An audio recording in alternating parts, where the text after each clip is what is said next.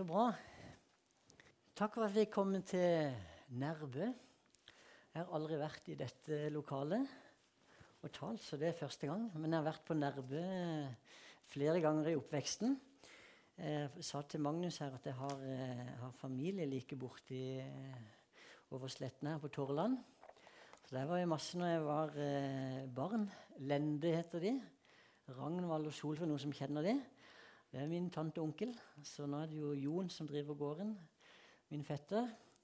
Så vi har hatt litt forbindelser sånn her. Og så bodde jeg også åtte år i Stavanger på, fra 1985 og fremover. Mens jeg studerte på Misjonshøgskolen bl.a. Og så har vi Sånn, måtte bare ta den. Ellers er jeg, er jeg eh, pastor i Philadelphia og Vennesla. Der har jeg vært i 13 år nå i september. Har kone, tre barn på 20, 18 og 13. Og Før vi kom til Vennesla, så hadde vi bakgrunn som misjonærer i Brasil. Så jeg fikk hilse på ei søster her vet du, fra Brasil. Det var veldig flott. Eh, der vi var, og de to eldste barna våre er født der ute. Så det òg har vært med å prege eh, min tjeneste og, og, mitt liv, det vil jeg si. Ellers har jeg hatt gleden av å vokse opp i et hjem der Jesus ble forkynt. Og det, og det er så viktig eh, i dag. Og oppmuntrer alle familier som har barn, til å gi evangeliet, gi Jesus til barna. Og jeg husker fra, helt fra eh, så langt tilbake jeg kan huske min mor som fortalte historier fra Bibelen, og min far som var inne hver kveld når vi la oss, ba, vi sang sammen. Så, så, det har alltid vært naturlig for meg. Jeg har alltid trodd. Det har aldri vært noe annet liv. Det er bare akkurat som jeg ble født inn i det. Det står om døperen Johannes at Den hellige ånd, eller han ble fylt med Den hellige ånd allerede da han var i mors liv. Og jeg tror, jeg tror det skjer sånn i dag også. Og om Jeremia står det at før han ble født, så kalte Gud han til profet og satte han til profet for folkene. Og Sånn har jeg kjent, inn i mitt liv også. Det har alltid vært der. Så da jeg, var, da jeg hadde blitt alfabetisert og lært å, å, lese, så sa jeg jeg vil ha et Nytestament, og det ønsker jeg meg til jul. Så i andre klasse så fikk jeg det. Så Da leste jeg gjennom Nytestamentet, og til jul i tredje klasse sa jeg nå vil jeg ha hele Bibelen. Og så fikk jeg hele Bibelen og leste gjennom den. Så da jeg var sånn 10-11 år, hadde jeg lest gjennom Bibelen, og det har jeg fortsatt å gjøre. Og ligger veldig på hjertet mitt å få de som vokser opp i dag også, til å ta til seg av Guds ord. For det er det som er det, er det, som er det store. Og det brenner jeg veldig for.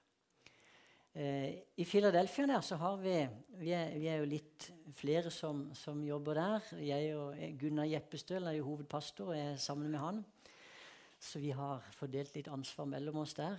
Jeg har også gleden av å få reise en del rundt i, eh, land. Vi har et stort misjonsarbeid. Så jeg har hatt med team av ungdommer både til Albania, Jordan og Syria, Libanon, India, Tanzania det er steder vi har kontakter, som vi får også ha en virksomhet. Så det setter jeg veldig pris på. Ok, det var veldig kort om, eh, om, meg, men hyggelig å være her. Og Magnus og jeg vi har jo kjent hverandre gjennom en del år. Eh, gjennom en sånn teologisk refleksjonsgruppe vi har i pinsebevegelsen. Så veldig glad for at eh, jeg kunne være her sammen med dere. Jeg har, et, jeg har et budskap i dag som jeg kjenner Eh, som, som, er et budskap som jeg tror er, er veldig inn i den, i den tida som vi lever i. Og, og opplever det som et, et profetisk budskap inn i, i, vår tid. Og det ligger veldig på hjertet mitt, det som jeg skal dele her denne formiddagen. Eh, vi skal ta utgangspunkt i en bibeltekst. og Dere som har med Biblene deres, kan åpne den i Jesaja, kapittel 44. Jesaja 44.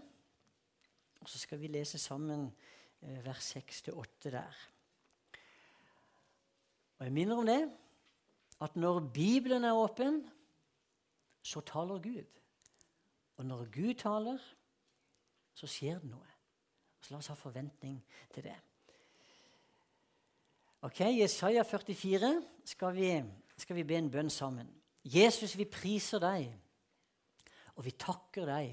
Takk for at du er her. Takk for at ditt ord har blitt åpenbart for oss. Takk for at sånn som ditt ord en gang slo ned i Israel, sånn har det også slått ned i vårt land, Herre. Og vi ber om at ditt ord og din sannhet skal males tydelig for oss denne dagen her. At vi skal få se hvem du er, hvilken Gud du er, og at vi skal bli mer og mer lik deg i Jesu Kristi navn. Amen. Amen. Ok, da leser vi der. Så sier Herren, kongen som løser ut Israel, Herren over hærskarene, jeg er den første, og jeg er den siste. Det, finnes, ingen annen Gud enn jeg. Hvem er som jeg? La ham rope ut og fortelle. La ham legge fram for meg det som har hendt fra jeg grunnla det eldgamle folket. De skal fortelle dem hva som skal komme i fremtiden. Frykt ikke, vær ikke redde. Har jeg ikke fra før av fortalt deg og latt deg få høre? Dere er mine vitner. Finnes det noen Gud ved siden av meg? Jeg kjenner ikke til noen annen klippe. Det som jeg har satt som en, eh, en overskrift på det jeg skal si i dag, det er 'Den ekstreme Gud'. Den ekstreme Gud. For du ser, Gud er ekstrem på den måten at han er annerledes enn alt annet og alle andre. Guds ord, det er eksklusivt, og det representerer noe som ikke vi finner i noen annen lære eller religion. Gud er ekstrem. Jeg er den første og den siste, sier han. Foruten meg er det ingen Gud. Ingen ved siden av, ingen før, ingen etter, ingen imellom. Det er bare den ene Gud. Han er først, og han er sist. Og det er bare han. Han som er Israels Gud. Det er bare han som er Gud i denne verden. Han er den ekstreme som ikke det fins maken til, verken som person eller det han sier. Og hvis vi tenker, hvis vi tenker de ekstreme ytterlighetene som fins i dette, så er Gud den ene ytterligheten, og djevelen er den andre. Det fins ingen likhetstrekk mellom Gud og djevelen. Det er totalt forskjell. Du vil ikke finne én ting som samsvarer i Gud og i djevelen. De har ingenting felles. Og Derfor kan vi si Gud er som person og som sitt vesen så langt som mulig fra djevelen som det er mulig å komme. Det er viktig å ha tak i. Derfor sier jeg Gud er på kanten. Gud er ikke i midten. Vi vil helst at Gud skal være i midten, men Gud er på kanten. En, en filosof som heter Aristoteles, han snakka om den gylne middelvei, om at vi alle måtte komme sammen i midten, for det var det beste hvis vi fant sammen i alle ting.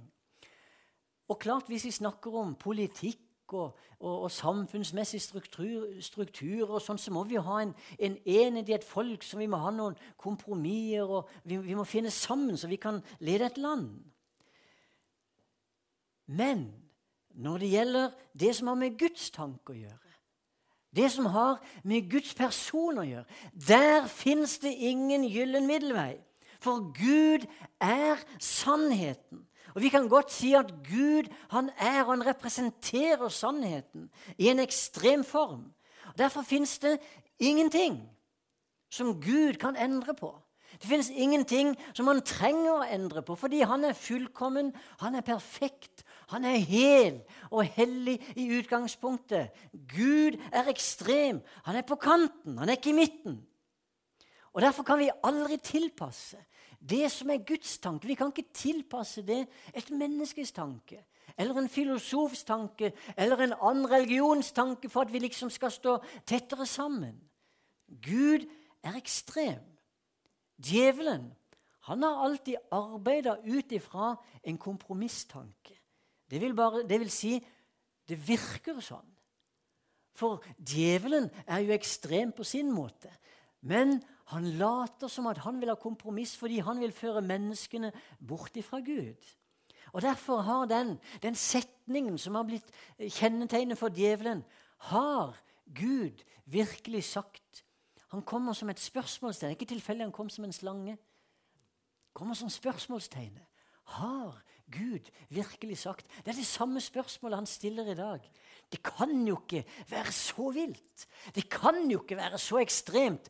Det kan jo ikke altså, Gud kan jo ikke si noe sånt. Vi leser det her, men det kan jo ikke stemme. Det, det er helt umulig å tilpasse det i de 2018. Sånn kommer han.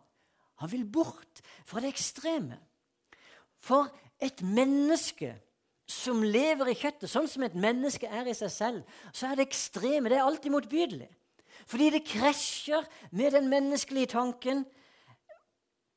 For et menneske, sånn som et menneske er i seg selv, det har alltid hatt problemer med å godta det vi kaller absolutter. Og et menneske som lever i kjøttet, vil helst at alt skal være sant.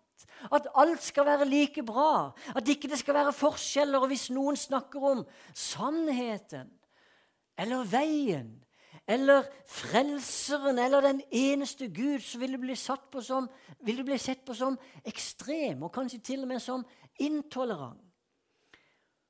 Og mennesker vil reise seg mot en som blir sett på som ekstrem.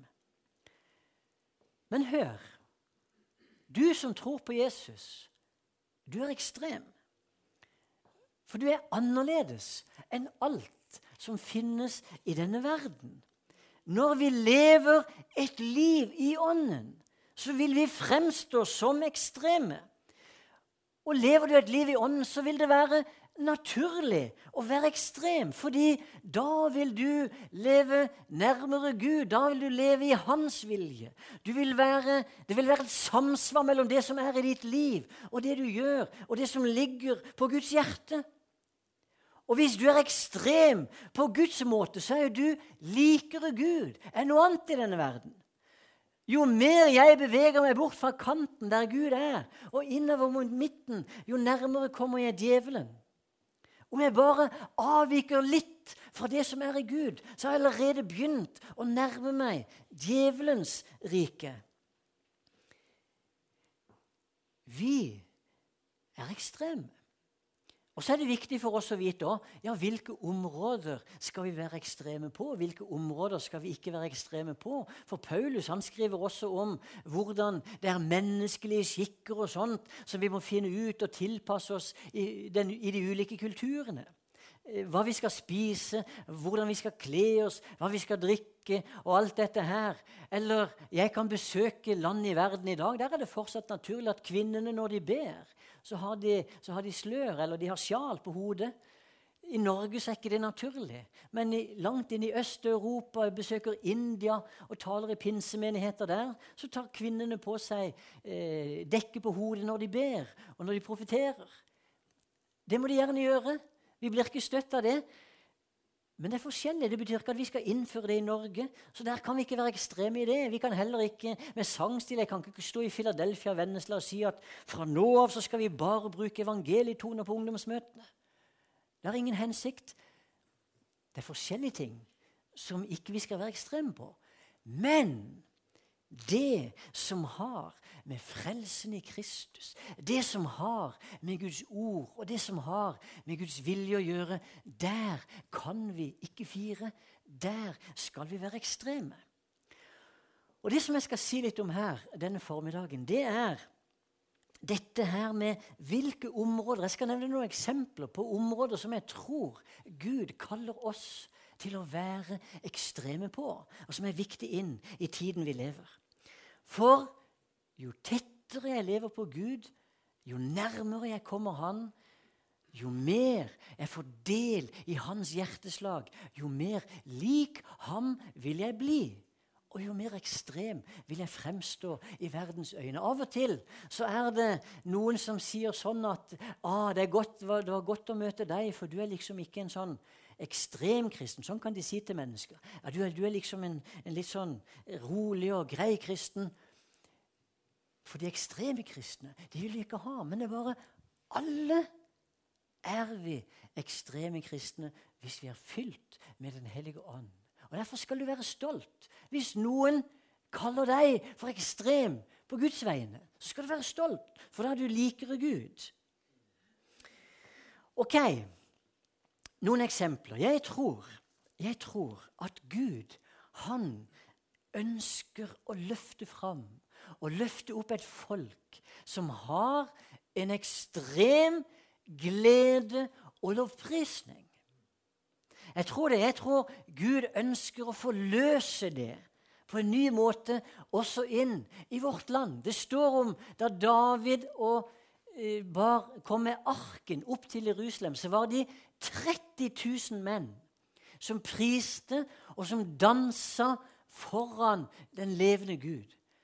30 000 menn, kan du se for deg? De dansa av all sin kraft. Og jeg har fått se, Når jeg reiser rundt i verden, spesielt når vi kommer inn i Tanzania f.eks., men du ser det også andre steder i verden Når de bare tar ut alt. Og jeg har sett det er noe med mennene. Når mennene tar ut alle de danser og all kraft. Flott å se når kvinnene men det er liksom mer grasiøst. og De kommer der, sant? og kvinnene de er rundt. Og, men mennene Det er som å se en hard trening. De bare tar ut alt. Danser all kraft for Herren. Og jeg tror at han ønsker å få løst noe mer. Og så kan vi si ja, men det er ikke naturlig for en nordmann. Å jo, visst er det naturlig. Skal jeg si det nå?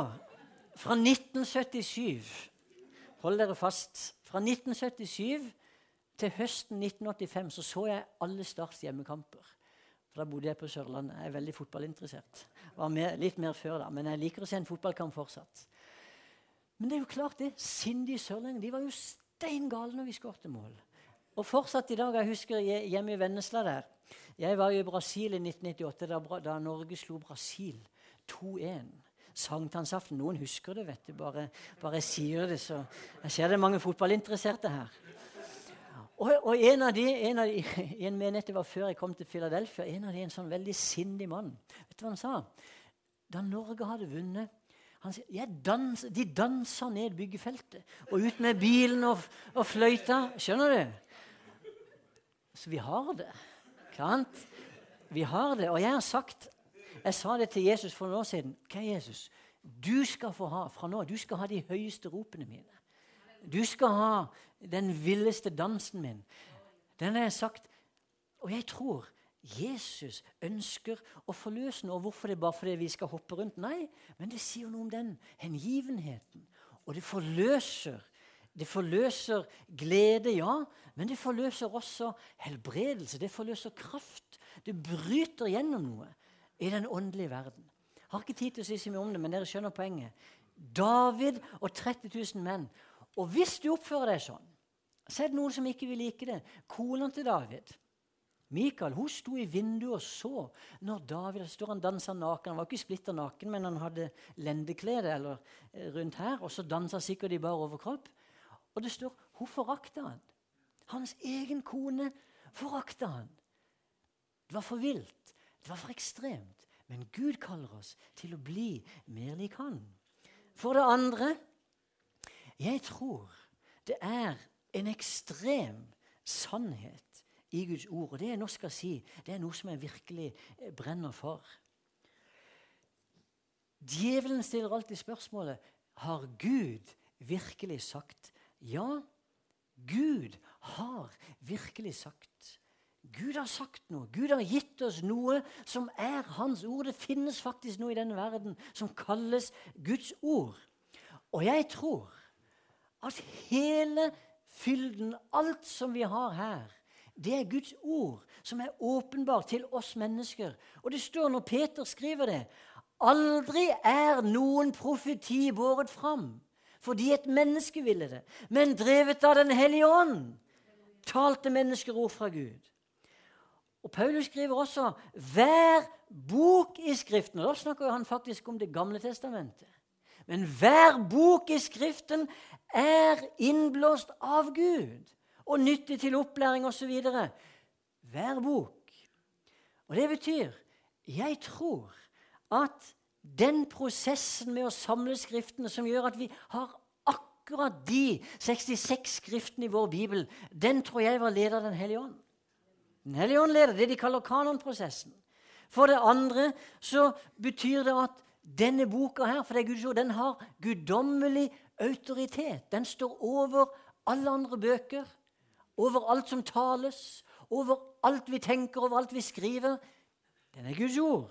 For det tredje betyr det at også det som ikke jeg kan forstå eller logisk forklare, det er også Guds ord. Jeg holder fortsatt på å lære ting. Jeg har lest gjennom Bibelen mange ganger. Det er sikkert noen her som har gjort det òg, men jeg lærer fortsatt. Det er fortsatt ting ikke jeg forstår fullt og helt, men det er Guds ord. Og For det fjerde så betyr det at ingen kan tolke Bibelen på egen hånd, men Bibelen er sin egen fortolker. Det var det faktisk Luther som sa. Bibelen er sin egen fortolker. Skriften tolker Skrift. Og Det betyr det skriftsynet som jeg snakker om, som er ekstremt, det er det som kalles verbal inspirasjon. Altså en ordets inspirasjon. Jeg tror at hvert ord, hver prikk i det som er vår bibel, det er inspirert av Den hellige ånd. Og ingen har jo sagt det tydeligere enn Jesus sjøl. For han sa før himmel og jord forgår, skal ikke den minste bokstav eller den minste prikk i loven forgå før alt har skjedd. Den minste jota, står det. Det var den minste bokstaven de hadde. Det var bare en prikk. Derfor er det sånn oversatt noen ganger. Ikke den minste prikk skal forgå. For det er Gud som har talt. Og det er interessant å se hva sier Guds ord om Guds ord. Hva slags vitnesbyrd er det Guds ord om Guds ord? Et av de mektigste vitnesbyrdene er i Salme 12,7, der det står at Herrens ord er rene ord. Sølv som er lutret i smeltovnen, sju ganger renset. Hør! Herrens ord er rene ord. Lik sølv som er lutret i smeltovnen, sju ganger renset, akkurat som Herren skulle ha behov for å rense sitt ord. Det er jo hellig, det er rent, det er fullkomment i utgangspunktet. Men før det kom til oss, så har han latt det gå gjennom en renselsesprosess syv ganger for at vi skal forstå hvor hellig og rent det er. Hvem er da det mennesket i dag som våger å legge noe til, eller som våger å trekke noe fra? Det er rent. Det er fullkomment. Og sånn står det mange steder. Vi har ikke tid til å lese alt dette, men det står mange liknende vers hvordan Guds ord det er rent. Og Derfor så sier jeg det er en ekstrem sannhet i Guds ord. Og hvis du vil stole på Guds ord, så kommer det til å skje en velsignelse gjennom det. Og Herren han har minnet meg om de siste månedene, helt fra i vår, har det kommet på nytt og på nytt. I Apostlenes gjerninger 14.3 så står det at Gud, eller Herren, bekreftet sitt nådeord ved de tegn og under han lot skje ved apostlenes hender. Hvis vi står i ordet, hvis vi forkynner ordet som det er, så vil det følge helbredelser og tegn og under. Og Herren talte til meg og sa, 'Jeg kan ikke bekrefte noe annet enn mitt ord.' Vil du se tegn under? Vil du se mennesker bli helbreda? Vil du se det skje, det som ordet nevner, så må vi forkynne ordet. Og vi må stå opp i ordet og, og leve i ordet. For Herren bekrefter sitt ord, men han bekrefter bare sitt ord. Ikke hvis jeg sier noe annet. Og Derfor tror jeg at alt er sant. Jeg tror på samme måte som da jeg var en liten gutt, det har alltid vært naturlig å tro. Og når min mor fortalte om Jonas i fiskens buk Jeg trodde det jeg tror det er like enkelt i dag. Jeg er sikker på at det har skjedd. Jeg tror at staven ble rakt ut, og havet delte seg, og folket gikk tørrskodd over, og vannet sto som en vegg. Jeg tror det. Det kan skje igjen. Alt kan skje igjen. Det som står, det er sant. For det tredje så tror jeg det er en ekstrem frelse. Det er en ekstrem frelse. For Peter sier om Jesus det er ikke frelse i noen annen, for i hele verden er det blant mennesker ikke gitt noe annet navn som vi kan bli frelst ved. Vi må løfte fram Jesus som den eneste veien, og det er press på det. Mer og mer også inn i vårt land, fordi det kommer mennesker rundt forbi som har en annen tro, kommer med andre religioner. Men vi må løfte fram Jesus. Det er det beste. Hvis du elsker de menneskene, så må vi gi dem Jesus. Kjærlighet uten sannheten, det er ikke kjærlighet. Men vi må gi dem Jesus. Det er en ekstrem frelse, og der kan vi ikke endre på noe som helst. Mennesker de kan virke så smilende og hyggelige som bare det. De kan virke så fredelige. Men når du kommer inn på akkurat det med Jesus som den eneste veien Jeg husker jeg kjørte fly en gang mellom Det var, det var strekket mellom, mellom Wien og Tirana i Albania. Så kom jeg ved siden av ei dame fra Østerrike der. Og Hun hadde tidligere vært en ortodoks kristen sammen, så hadde hun blitt buddhist. For hun mente at de kristne bare hadde kriga, det var bare elendighet inn i, i, imellom de kristne, og, og, viste liksom til religionskrigen opp igjennom. Og det var, var, voldelig. Men i buddhismen, sa hun, der er alt bare fred. Og hun hadde fått en sånn fantastisk fred. Men like før, bare noen uker før dette hadde skjedd, så hadde jeg sett på TV det hadde vært opprør i Tibet. Det, hadde vært, eh, det var munker og noen sånne små eh, munker på bare fem år. Små gutter. De var ute i gatene og hadde opprør, og de knuste ruter, og de sloss. Så sa jeg åssen henger dette sammen, da, hvis, hvis, det er en sånn fredelig religion? Hvordan kan det skje? Og så eksploderte hun i sin. Da var det ikke mye fred. Og når vi kom inn, kom inn på dette med Jesus som den eneste veien, bare, på en helt, bare snakka helt vanlig, rolig, bare stilte spørsmål For dette er åndskamp. Og der var det ikke fred. Men vi kan ikke vike i det. Jesus er veien. Og den eneste veien. Han er det eneste navnet blant mennesker. Det fins ikke noe annet navn i hele verden, sier Peter. Bare Jesus. For det fjerde så kaller Gud oss til en ekstrem livsstil. Det er en ekstrem livsstil. Og du ser det er et press i dag. Det er et press på ekteskapet som Gud har gitt. Ekteskapet mellom mann og kvinne. Og det er ekstremt.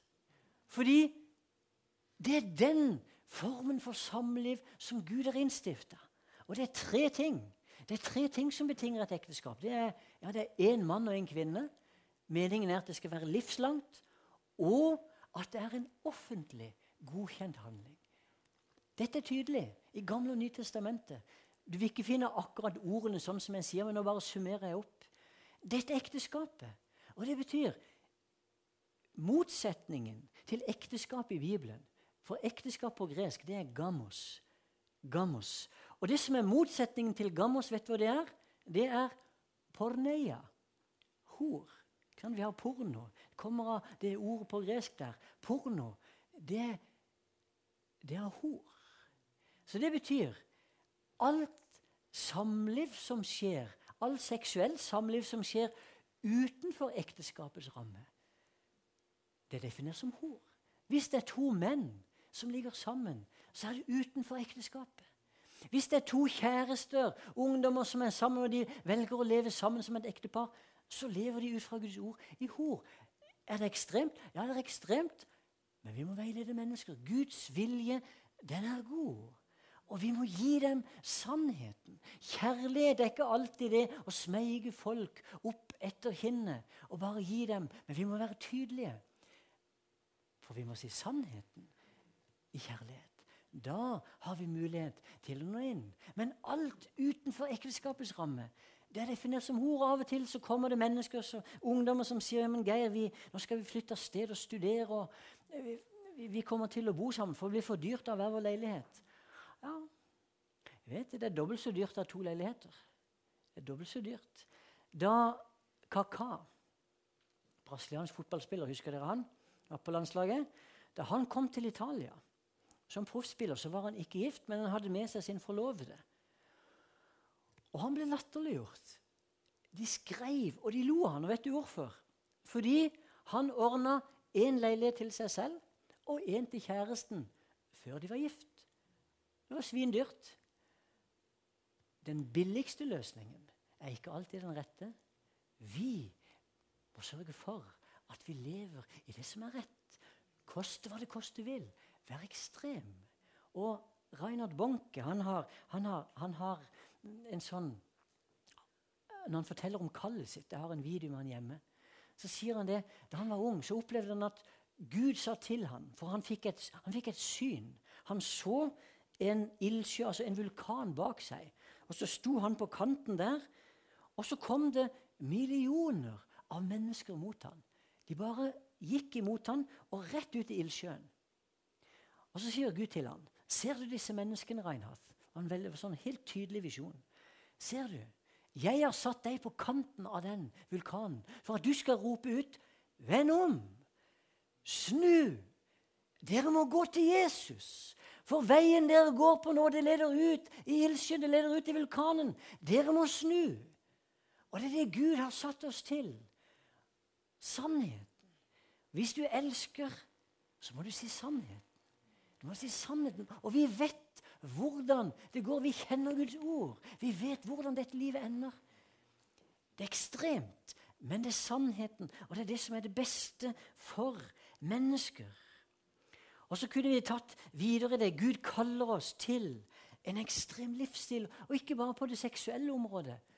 Men også i det som har med pengebruk, med åssen vi lever i verden ellers. En, en, en borte i Stavanger her som heter Sigmund Harbo, han, han, skrev en doktorgrad der sånn på slutten av 80-tallet og begynnelsen av 90-tallet. Han sa det var kommet et nytt begrep i landet vårt, og det var de som ble kalt for kristenjappene. Og hva var en kristenjapp? Jo, det var en kristen som bare fløyt med i strømningene. Han levde akkurat som folk ellers i verden. Sløste like mye med penger. Brydde seg ikke om mennesker rundt. Og så var det som en motsetning til det som kom med Hauge og pietismen på 1800-tallet. For da var det store vekkelser i Norge. Men de var et korrektiv til samfunnet. De levde et annerledes liv. De hadde gudsfrykt med nøysomhet. Og mange mennesker de ble frelst. Og Dere er fra Vestlandet, jeg er fra Sørlandet. Det som har kjennetegnet våre landsdeler også, opp igjennom historien, det er jo nettopp det. Gudsfrykt med nøysomhet. Vi har hatt ærefrykt for Gud. Åssen vi forvalter midlene Gud har gitt. Og det står det også i Guds ord. Herren kaller oss i dag til en ekstrem livsstil som er med og staker ut en ny kurs, som kan hjelpe mennesker inn i denne verden, osv. Det utfordrer oss. For det femte så tror jeg Gud han kaller oss til en ekstrem tilgivelse. Takk og lov for at Gud er ekstrem. Tenk det. Han har tilgitt meg. Han har tilgitt deg alle våre synder. Også det som jeg har gjort på nytt og på nytt. Jeg har kunnet komme tilbake og få tilgivelse. Vi kan leve i en kontinuerlig tilgivelse fordi Den hellige ånd han bor i oss. Jesu blod det har rensa oss, og det fortsetter å rense oss også når jeg tabber meg ut. Jeg faller ikke ut av nåden, men vi er jo i det. Takk og lov at Gud er ekstrem. At ikke han setter en grense. Og Peter, en gang så kom han til Jesus, og så sa han, 'Jesus, hvor mange ganger skal jeg tilgi min bror?' Så mange som syv ganger. Og så sier Jesus, 'Peter, ikke syv ganger, men 70 ganger syv.' Og så kan vi tenke, 'Aha, Peter han hadde egentlig ikke skjønt noen ting. Syv ganger, og så Jesus snakker liksom om noe, multiplisere det med et tall som blir helt sinnssykt høyt i forhold. Men skal jeg si det nå? Å tilgi noen syv ganger det kan, være, det kan faktisk være litt krevende, det. Sett at jeg hadde eh, kommet her uh, Si navnet ditt en gang til. Arne Arne. Ok, Sett at jeg hadde nå gått ut her på parkeringsplassen under møtet, og så hadde jeg eh, skjært opp alle fire dekka på bilen hans. Så hadde jeg kommet du, 'Arne, kan du tilgi meg?' Det var litt dumt gjort. Jeg skjærte opp alle dekka på bilen din. Og jeg tror sikkert du hadde tilgitt meg. Ja, det, det, det går greit. Jeg tror du hadde gjort. Jeg antar det. OK? Men sett at jeg neste søndag så hadde gjort akkurat det samme. Skjært opp alle dekka og helt flatt når han kom ut. 'Arne, kan du tilgi meg en gang til?' Han hadde slitt litt mer, ikke sant? Og hva om jeg hadde gjort det tredje gang? Eller hva om jeg hadde gjort det syv søndager på rad? Skjønner du? Syv. Det kan faktisk være ganske vanskelig noen ganger det, å tilgi. Men så er det Jesus. Han bare, han bare sprenger det der. Og det er interessant. Jesus kobler jo også tilgivelsen ved eh, noen anledninger til hvis vi skal forvente at Gud tilgir oss, så forventer Gud at vi også tar dette videre. Og Jesus snakker jo veldig alvorlig om det. I lignelser om han som hadde blitt tilgitt 10 000 talenter, så møter han en som skylder han 100 denarer. Det var jo en sinnssyk forskjell. Men han forventer at vi tar det ut i det ekstreme. Og det er klart, vi har ikke sjans til å tilgi. Det er mange som Vi har ikke sjans i oss sjøl, men i Den hellige ånds kraft. Og når dette går opp for oss, så betyr det det fins en ekstrem tilgivelse. Og det er fantastisk at vi kan kunne, vi kan kunne si Vi kan se ethvert menneske på denne kloden i øya. Vi kan si det finnes fortsatt håp for deg. Du kan fortsatt bli tilgitt. Du kan fortsatt komme inn i Guds rike. Anders Behring Breivik kan bli frelst. Hvis ikke han kan bli frelst, så kan ikke jeg heller. Hvis ikke han kan bli tilgitt, så kan ikke jeg det heller. Men vi kan møte ethvert menneske. Og Nå virker det ikke som han har angra, så jeg, jeg, tror ikke han er frelst i dag. Men han kan bli frelst. Han kan møte den levende Gud. Og vi, kan, vi må ta det ut i det ekstreme. Vi må ikke være i tvil. Vi kan se ethvert menneske i øya si det er håp. For det sjette nærmer meg slutten her. En, jeg tror på en ekstrem kraft i Den hellige ånd. Det er en ekstrem kraft. Det betyr alt er mulig. Alt er mulig. Alt kan skje. Og jeg har fått se når Den hellige ånd virker for mennesker, når Den hellige ånd kommer med kraft. Så jeg har fått se mennesker bli henta så å si ut fra døden. Jeg har ikke sett en som har vært erklært død, stå opp. Det har jeg hørt om, men jeg har ikke vært ute for det sjøl. Men kona mi og jeg en gang vi kom til ei dame. Hun lå på sykehus. Bare kobla til eh, slanger og, og respirator ble holdt kunstig i live. Hadde det vært 30 år før, så hadde de ikke klart å holde henne i live, men de hadde apparater i dag. Og familien var der, og legen sa hun er død. altså Familien måtte av. Skal vi skru av eh, apparatet her eller ikke? ikke hun kommer til å dø. Det er snakk om i dag eller i morgen. Hun er død. Men så ba vi for henne. Neste dag var hun på beina og ble utskrevet av sykehuset. For det skjer.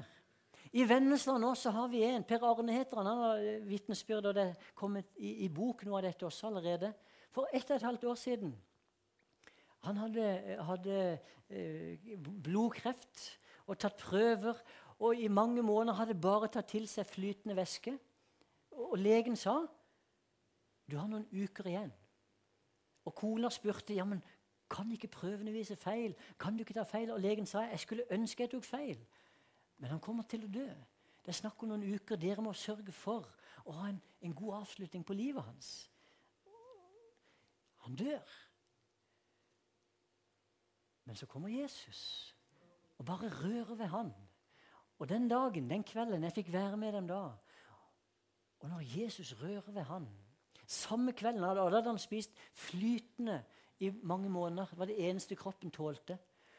Så sier han plutselig til kona, etter jeg hadde gått hjem Du, jeg har så forferdelig lyst på biff og fløtegratinerte poteter. sa Ja. Det, det, var like før i, i påskeuka der det året, for halvannet år siden. Og de ok, og Hun var jo veldig skeptisk, for hun tenkte hva skjer nå? Men de kjørte av sted, kjørte på butikken, handla biff og ingredienser så de skulle lage fløtegratinerte poteter og skikkelig biffmiddag der. Og så, hadde, og så sa hun Gud, du må gi meg et tegn på dette, for jeg takler ikke bare sånn og skal gi han mat uten at, at det har skjedd noe her nå. Jeg må jo vite det. Vi har jo ikke vært til legen. Da de kom hjem, så hadde de ei trapp, eh, trapp, ei bratt trapp til huset i andre etasje der de bodde. Og hver gang de hadde vært ute i denne perioden, og han gikk opp trappa, så var han så utrolig utkjørt at han måtte rett på sofaen og bare ligge der for å komme seg. For det var en sånn fysisk belastning som sykdommen ga han. Men den kvelden Når de kom hjem, dette var litt senere på kvelden, så plutselig han går opp trappa, og så plutselig ser hun han bare, han bare spaserer rundt i huset som ingenting har skjedd. Og så plutselig så kommer han til seg sjøl og sier han, Anne Katrine, la du merke til hva som skjedde nå? Jeg er ikke sliten, sa han. Ja, gjett om jeg la merke til det, for hun hadde bedt om et tegn. Og det var tegnet. Solafte Biff. Han spiste og har gjort det siden han lever i dag, i beste velgående. For det er en ekstrem kraft i Den hellige ånd. Og Vi kunne fortalt mange historier. Det gjør vi ofte fra, eh, fra reiser og på misjonsmarka. Sånn. Men det skjer midt iblant oss. Det skjer inn i våre liv. Det er en ekstrem kraft. Og så tror jeg Herren kaller oss til en ekstrem vitnetjeneste. Der vi bare brenner for på en ny måte at mennesker skal bli frelst. Og Paulus, Jeg, jeg, altså, jeg ikke til anklene hans engang, men Paulus, når han skriver til romermenigheten, så sier han det. Jeg skulle selv gjerne vært forbannet og skilt fra Kristus. Var det bare til hjelp for mine landsmenn? Altså Han snakker om jødene i det tilfellet. Hvis han bare kunne få frelst jødene, for han så jo at de hadde fornekta Kristus. Men han var altså villig til selv å leve i helveten, og visste han det går jo ikke. Men jeg har aldri våga å be en sånn bønn. Men Paulus han var villig til selv å leve i helvete hvis det kunne føre til frelse for hans brødre og søstre. Og Paulus sier overalt hvor han kom han blei som dem. Han forandra livsstil, gjorde hva som helst. Hvis jeg bare kunne få frelst én, om jeg bare kunne få frelst noen av dem Han ville til å strekke seg så langt. Jesus tror jeg kaller oss til en ekstrem vitnetjeneste. Til å ta det videre. Og så har jeg lyst til å si, før vi skal avrunde her Det ekstreme det virker, som jeg sier, det krasjer med verdens tanke. Ikke sant? Det krasjer med verdens tanke. Og i dag, i samfunnet som vi lever, så er det to ord som ofte brukes sånn for å sette mennesker i bås. Det er normal, og det er unormal. Og hvem av oss vil være unormal? Jeg vil helst ikke være unormal. Jeg vil helst kunne gå greit omkring, og at ikke jeg skal skille meg ut. Og Spesielt hvis du tenker på barna våre. og sånt også. Ingen liker å være den unormale eller den lille gruppa av unormale som, som er der. Og Sånn sett så vil jo mennesker si ja, men det dere står for, og det som jeg sier i dag, dette er jo unormalt inn i 2018. Det å hevde det du gjør om ekteskapet, og det å hevde at f.eks. da eh, mennesker som ikke lever i det som er Guds ramme, de lever i synd. Det er unormalt. Det er bare at Ordene normal og unormal de har blitt fordreid, sånn at de har kommet bort fra det som egentlig er utgangspunktet. For hvis jeg spør hvem er den mest normale i universet? Hvem er den mest normale? Det er Gud. Ingen kan bli mer normal enn Gud, fordi det er Han alt går ut fra. Det er jo samme som hvis en har laga en oppfinnelse, og sånt, så har du en sånn prototyp. Så laver du, og Hvis du etter hvert kommer ut i produksjonen etter noen år, så går det kanskje noe feil der, så må du tilbake til utgangspunktet. Du må tilbake til normalen. Gud er den mest normale. Det er Han alle mennesker utgår fra. Og Derfor sier jeg jo mer lik Gud vi blir, jo mer normale er vi. Om det så bare var ett eneste menneske igjen på kloden av de syv milliardene som sto på Guds side så er det han som er den normale, og de andre det unormale. Men det har blitt fordreid. Henrik Ibsen han skriver om dette, ser du. I Per Gynt Kanskje ikke dere har lest det, noen har lest det, noen har hørt om det. Men i Per Gynt, i fjerde akt, så kommer Per Gynt til Kairo. Han kommer faktisk til et galehus i Kairo. Og de som er inne på galehuset, de er sperra inne der fordi de er unormale. De er steinhakka gale, så de kan ikke fungere normalt i samfunnet. Men de er på et galehus. Galehus i Kairo. Inne på galehuset er alle gale. Men så skjer det noe, for plutselig så kommer Per Gynt inn, og han er jo egentlig normal. Men når han kommer inn på galehuset, så blir Per den unormale. For inne på galehuset der er det normalt å være gal. Henger dere med? Ikke sant? Og så skriver, så skriver Henrik Ibsen sånn. Hør hva han sier. Den absolutte fornuft forsvant i aften klokken 18. Fra da er de gale blitt de normale. For det var det tidspunktet Per kom inn, og da ble det fordreid. Og i verden i dag så har alt blitt fordreid. Det verden sier er normalt, er egentlig unormalt, for det avviker fra Gud. Og Derfor så har jeg lyst til å oppmuntre du som vil stå på Guds ord, du som tror at den levende Gud har talt, og at det er sant, og du vil følge Han. Stå fast i det. Og vi trenger Åndens kraft. Hvis ikke så vil, vil vi ikke klare å bli stående. Og vi trenger å være sammen. Og Vi skal ikke se, vi ser ikke på oss selv som noe offer, ikke i det hele tatt. Men vi må bare være klar over at i verden i dag så bryter det. Men Gud har kalt deg til å være ekstrem på hans vegne. Og det er løsningen for verden. Bare verden ser det ikke. Men det er veien som skal være med og endre mennesker. Skal vi ta oss og stå opp sammen? Jesus sa til Peter, det er det han sier til oss, på denne klippen På denne klippen vil jeg bygge min menighet. På denne klippen. På denne klippen. Du er en klippe. Jesus er i oss. Vi er en klippe, og det er det eneste vi har. Verden vakler og skaker, men den trenger noe som står fast. Står fast i ordet, i sannheten, kjærligheten, i det som er fra Gud. Verden trenger et sånt fjell. Og Jesus Kristus, vi takker deg for at det fins noe i denne verden som er sant, som er rett, som er edelt. Noe som vi kan holde fast ved. Og takk, Jesus, for at du har kommet inn i oss. Takk for at du har satt oss til å være en sånn klippe, noe som står fast inn i denne verden. Og jeg ber om at du skal oppmuntre oss denne søndagen, og at vi skal oppbilde hverandre, Jesus. Og at du skal gi oss kraft til å stå fast i ditt ord. Gi oss kraft, Jesus. Kost hva det koste vil. Men hjelp oss til å stå fast i ditt ord, i kjærlighet, Herre. Sånn at menneskene rundt oss de skal forstå hvor høyt du elsker dem, og hvor høyt vi elsker dem. Gi oss nåde til å vise det, Jesus. Og gi oss nåde til å løfte fram sannheten i deg. I Jesu Kristi navn. Amen. Amen.